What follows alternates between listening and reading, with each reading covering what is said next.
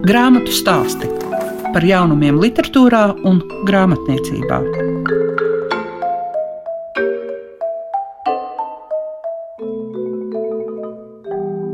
Labu dienu jums saka Liega Piešiņa, grāmatu stāstu veidotāja. Un arī šodien atvērsim kādas grāmatas, lai izvērtētu to nepieciešamību mums. Jūs varēsiet dzirdēt Ingūnu Baueri. Viņai ir vēstījums par 18. gadsimtu ar nosaukumu Elīza Fondera Reke soļi rītausmā. Un mēs varēsim iepazīt apgaismības laikmeta dzēnieci, bet šī gadījumā varēsim uzzināt, kā veidojās viņas aristokrātes personību.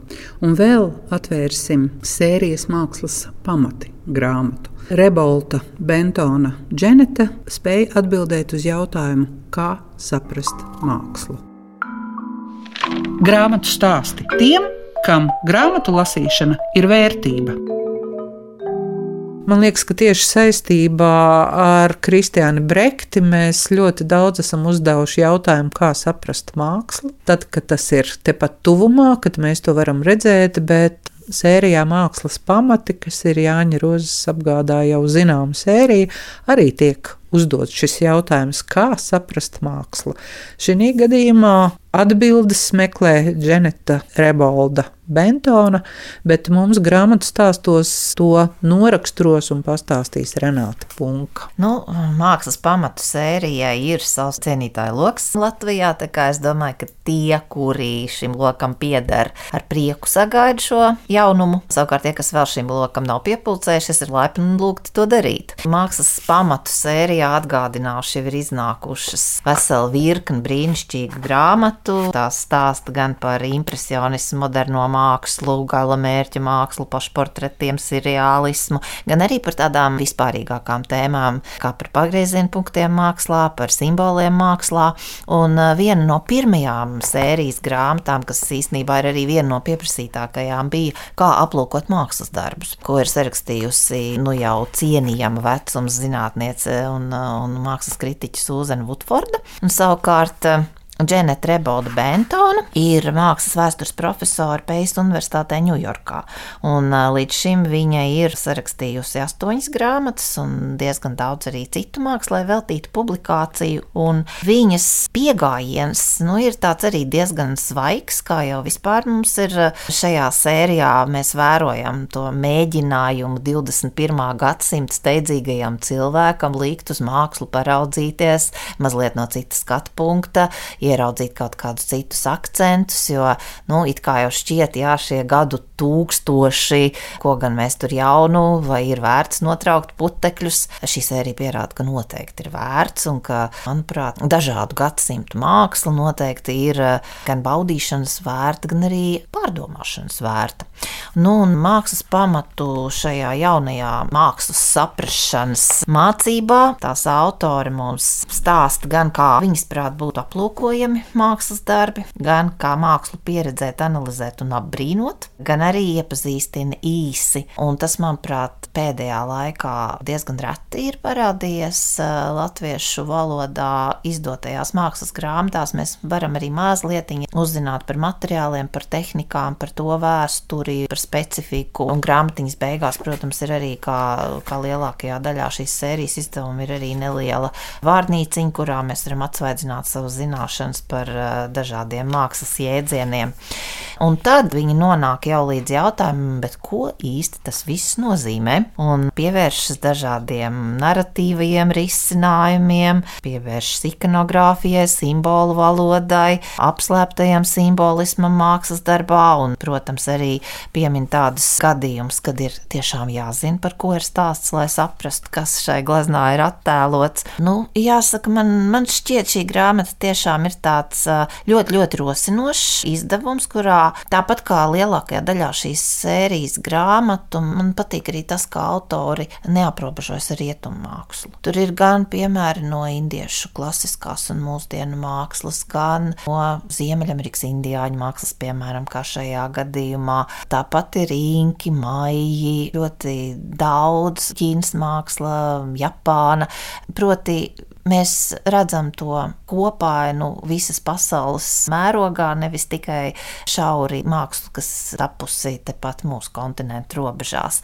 Nu, un, noslēdzot grāmatu, Dženeta Rebolda Bentona ir izvēlējusies sešus īpašus māksliniekus. Nu, es domāju, ka jums viņas izvēle liksies diezgan pašsaprotami, jo šie cilvēki ir Leonardo da Vinci, Rembrandts, tad, tad ir Van Gogs, Frīda Kalo un uh, Picasso un Endijs Vorhols. Tātad ārkārtīgi spilgtas personības, vesela laikmeta pārstāvji, caur kuru daļradi var vēlreiz nostiprināt viedokli par to, kā saprast mākslu.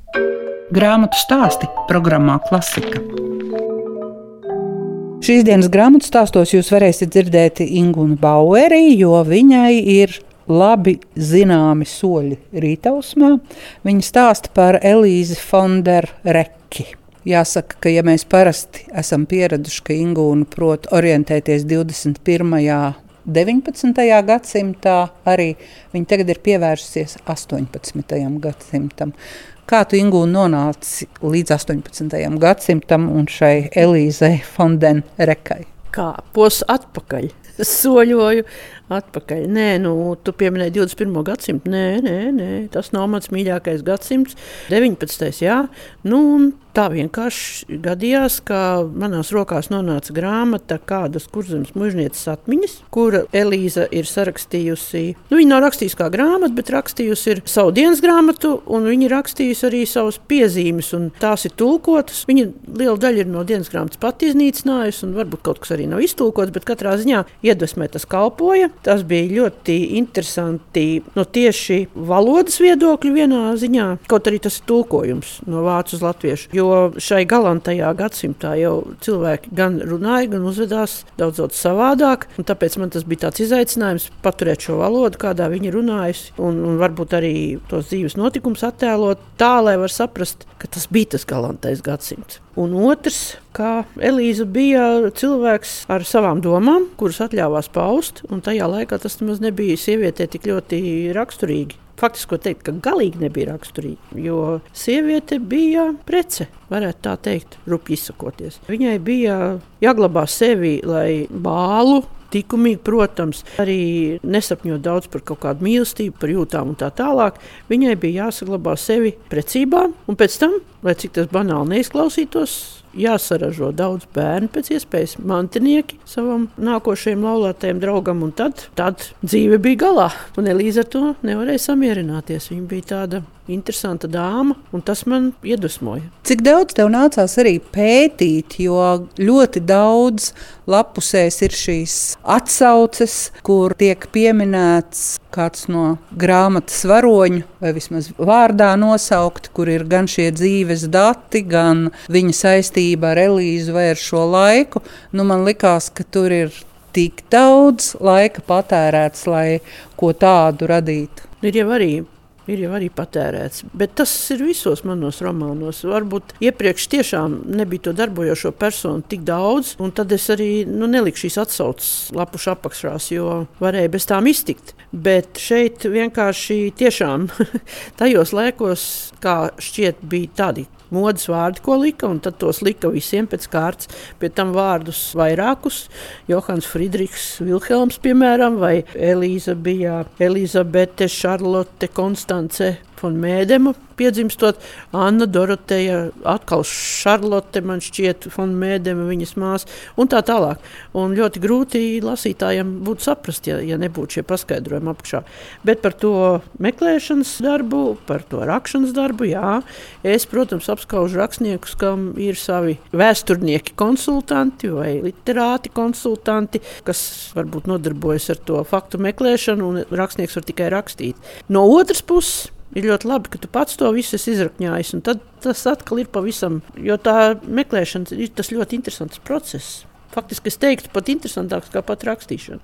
Grāmatā ir ļoti, ļoti daudz tieši par šo bērnības periodu, par to, kā tas ietekmē cilvēku, arī viņa attīstību. Un šīs Elīzes attiecības ar vecmāmiņu un saviem radiniekiem, nu, viņas ir brīžam pat šaušalīgas. Jā, tā ir.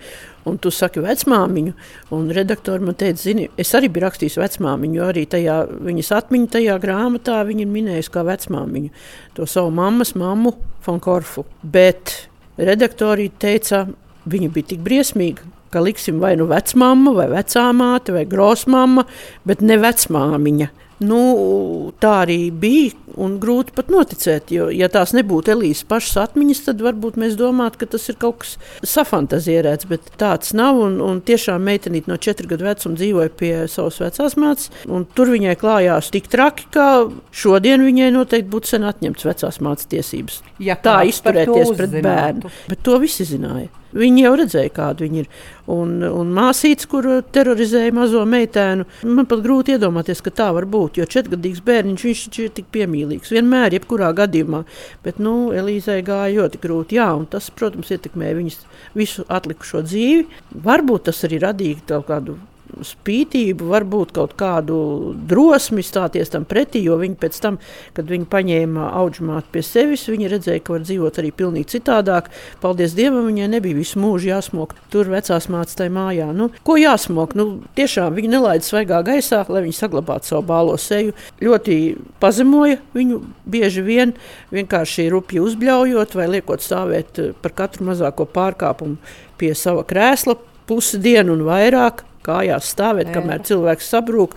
Jā, un tad par katru mazāko pārkāpumu auklīti viņai netīšām ar matadatu iedur galvā un, un ir asinis un, un vecāmāt nevis žēlo, bet nosoda abas divas ar žagariem. Nu, tas diezgan traki to arī lasīt bija, bet nu, tā tas ir bijis. Cik lielā mērā tavuprāt ietekmē tas, ka ļoti daudz cilvēki mirst Un uh, tāda sajūta, ka tie, kas paliek dzīvi, viņi kļūst cietsirdīgi. Varbūt ne cietsirdīgi, bet viņi kaut kā norobežojas no pozitīvām emocijām. Es domāju, ka tas jebkuros laikos ir atkarīgs no, no kaut kā cita. Jo dažreiz ir tā, ka cilvēks, kas pārdzīvojis ļoti daudz bēdu, tieši otrādi ir daudz empātiskāks, iejūtīgāks pret citiem, jo viņš saprot, kā tas ir un, un kā, kā tas otrs jūtas. Nu, Elīzes gadījumā vecā māte viņai bija stingra nostāja tāda, ka nav jākreņķējas, jo asaras bojā māgu, izskatu, nervus un visu pārējo. Kad tas, kas ir, tas pāries, un būs atkal citas lietas. Nu, kaut kādā ziņā jau tas bija pats tā, kā šķita saprotami, jo viņai pašai arī bija miruši bērni. Nu, viņa bija nocietinājusies. Jā, nu, Tur ir ko padomāt arī par tiem raksturiem un par to, kāpēc un, un kā. Bet redz, te jau ir tā viena lieta, ko es vienmēr saku, ka mēs no šodienas viedokļa mēs īstenībā neko nezinām. Man ir klusas aizdoms, ka tā bija pieņemts un to uzskatīja par normu, ka tas nav nekas ārkārtējs. Vienkārši kādam bišķi vairāk, kādam mazāk paveicās ar vecākiem vai vecvecākiem. Par šo situāciju, kā Elīze Fondereke šķīrās. Tas bija tajā laikā. Pirmkārt, viņa nebija tad vēl Elīza. Viņa šo pseidonīmu jau, nu, kāds pseidonīms atvasinājums no Elizabete. Bet nu, šo vārdu viņa jau pieņēma šie 783. gadā, kad iznāca pirmais viņas dzēju krājumiņš, un tad eh, viņa nosaucās par Elīzu, un tā viņa arī tālāk turpināja. Kaut gan es arī romānā esmu mēģinājis arī pat Kaliostro ielikt mutē, ka jums labāk piestāvētu šis cēlais Elīzas vārds un tā. Nu, tā mēģinot domāt, kā viņi nonāca uz domām, tādu vārdu pieņemt. Nu, jā, un par šķiršanos jā, tas bija ļoti drosmīgs solis priekš tiem laikiem, jo tādēļ, ka to neatļauj pat likums. Ja nebija noteikti iemesli, piemēram, viens no laulātajiem nespējīgs radīt bērnus, nu, noteikti tā bija sieviete, jo tajos laikos jau vīriešiem šādu nespēju neviens nepiedēvēja. Nu, nebija bērni, tad drīkstēja šķirties. Vai arī bija neglābjams slims, arī drīkstēja šķirties, bet tā citādāk bez iemesla, tā kā Elīze to izdarīja. Bet viņai jau sirdī protams, bija iemesls. Viņa izpratināja 17-gadīgu meiteni, skarbam, rupjam vīrišķim, kurš bija par viņu 15 gadus vecāks, lai arī ļoti bagāts. Viņa nabaga meitene, ieraugot Jaunpils laukos, zemnieku mājās, savu vīru izskata bērniņus, viņai bija nenormāls kauns. Bet vīrs teica, ka tas ir normāli, ka tas ir labi un ka zilas asins izplatīsies pa visiem laukiem. Viņai daudz kas bija nepieņemams. Viņa arī ļoti daudz lasīja, tā Jaunpils mūros iesprostota. Un tajā laikā ienāca šī lasāmā viela no pārējās Eiropas apgaismības ideju pilna. Un jābūt drosmīgam, nevis tikai Dievs tevi radījis, bet pārējo savu likteni un savu tikumu un savus pieņēmusi, to ēdo pats. Nu, Elīze to uztvēra diezgan burtiski, un viņa pateica, ka viņš šķirsies. Nu, viņa to arī izdarīja. Par spīti tam, ka viņai tas nācās ļoti sūri un smagi, jo visa sabiedrība jau bija pret. Viņa bija izstumtā. Jā, nu, bet viņa savu panāca. Vai tu gribētu būt Elīzes draudzene? Domāju, ka nē.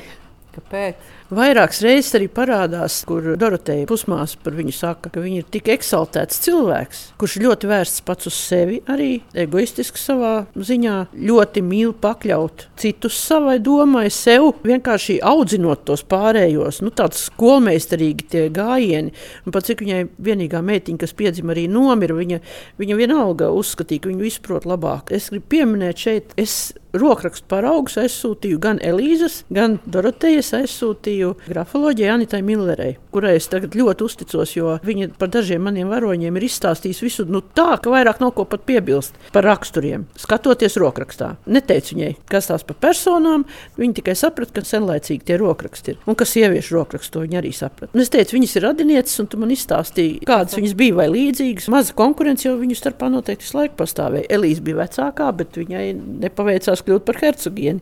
Nu, savukārt Doroteja visu laiku uz vecāko māsu skatījās ar greizsirdību savu visu jaunības laiku.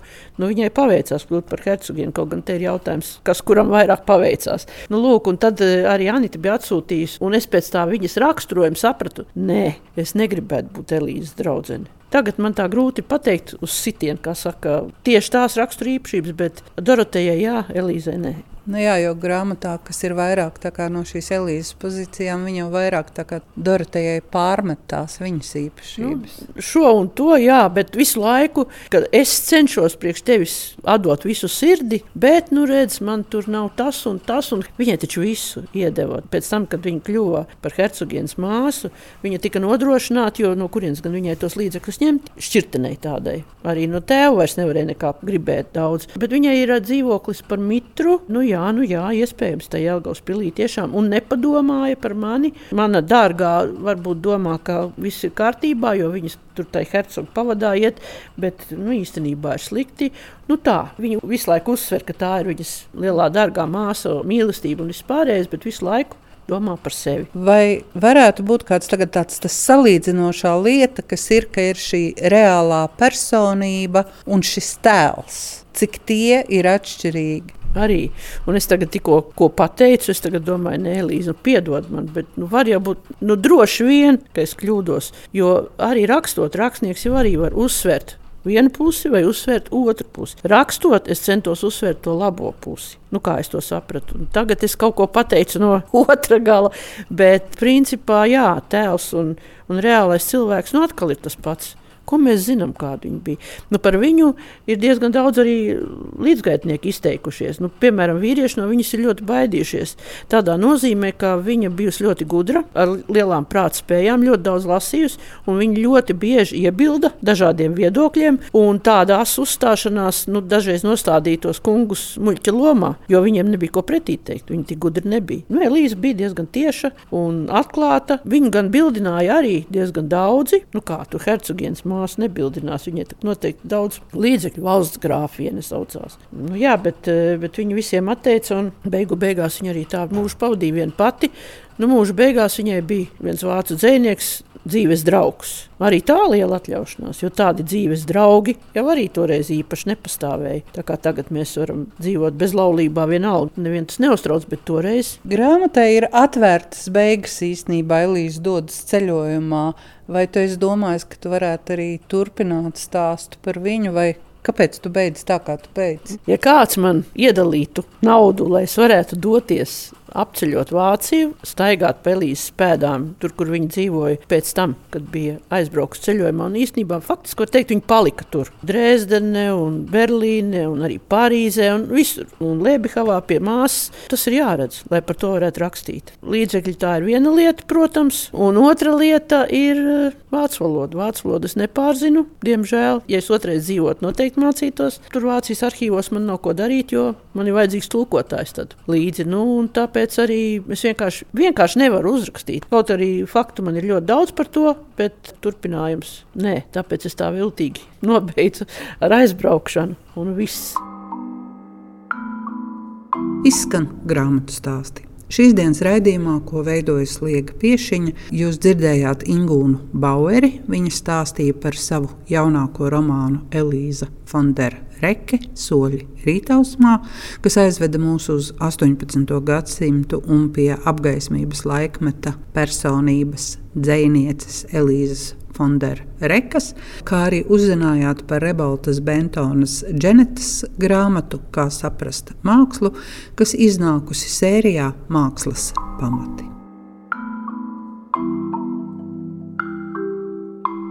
Grāmatu stāsti par jaunumiem literatūrā un grāmatniecībā ik trešdienu, 9.5. ar atkārtojumu Svētdien, 18.15.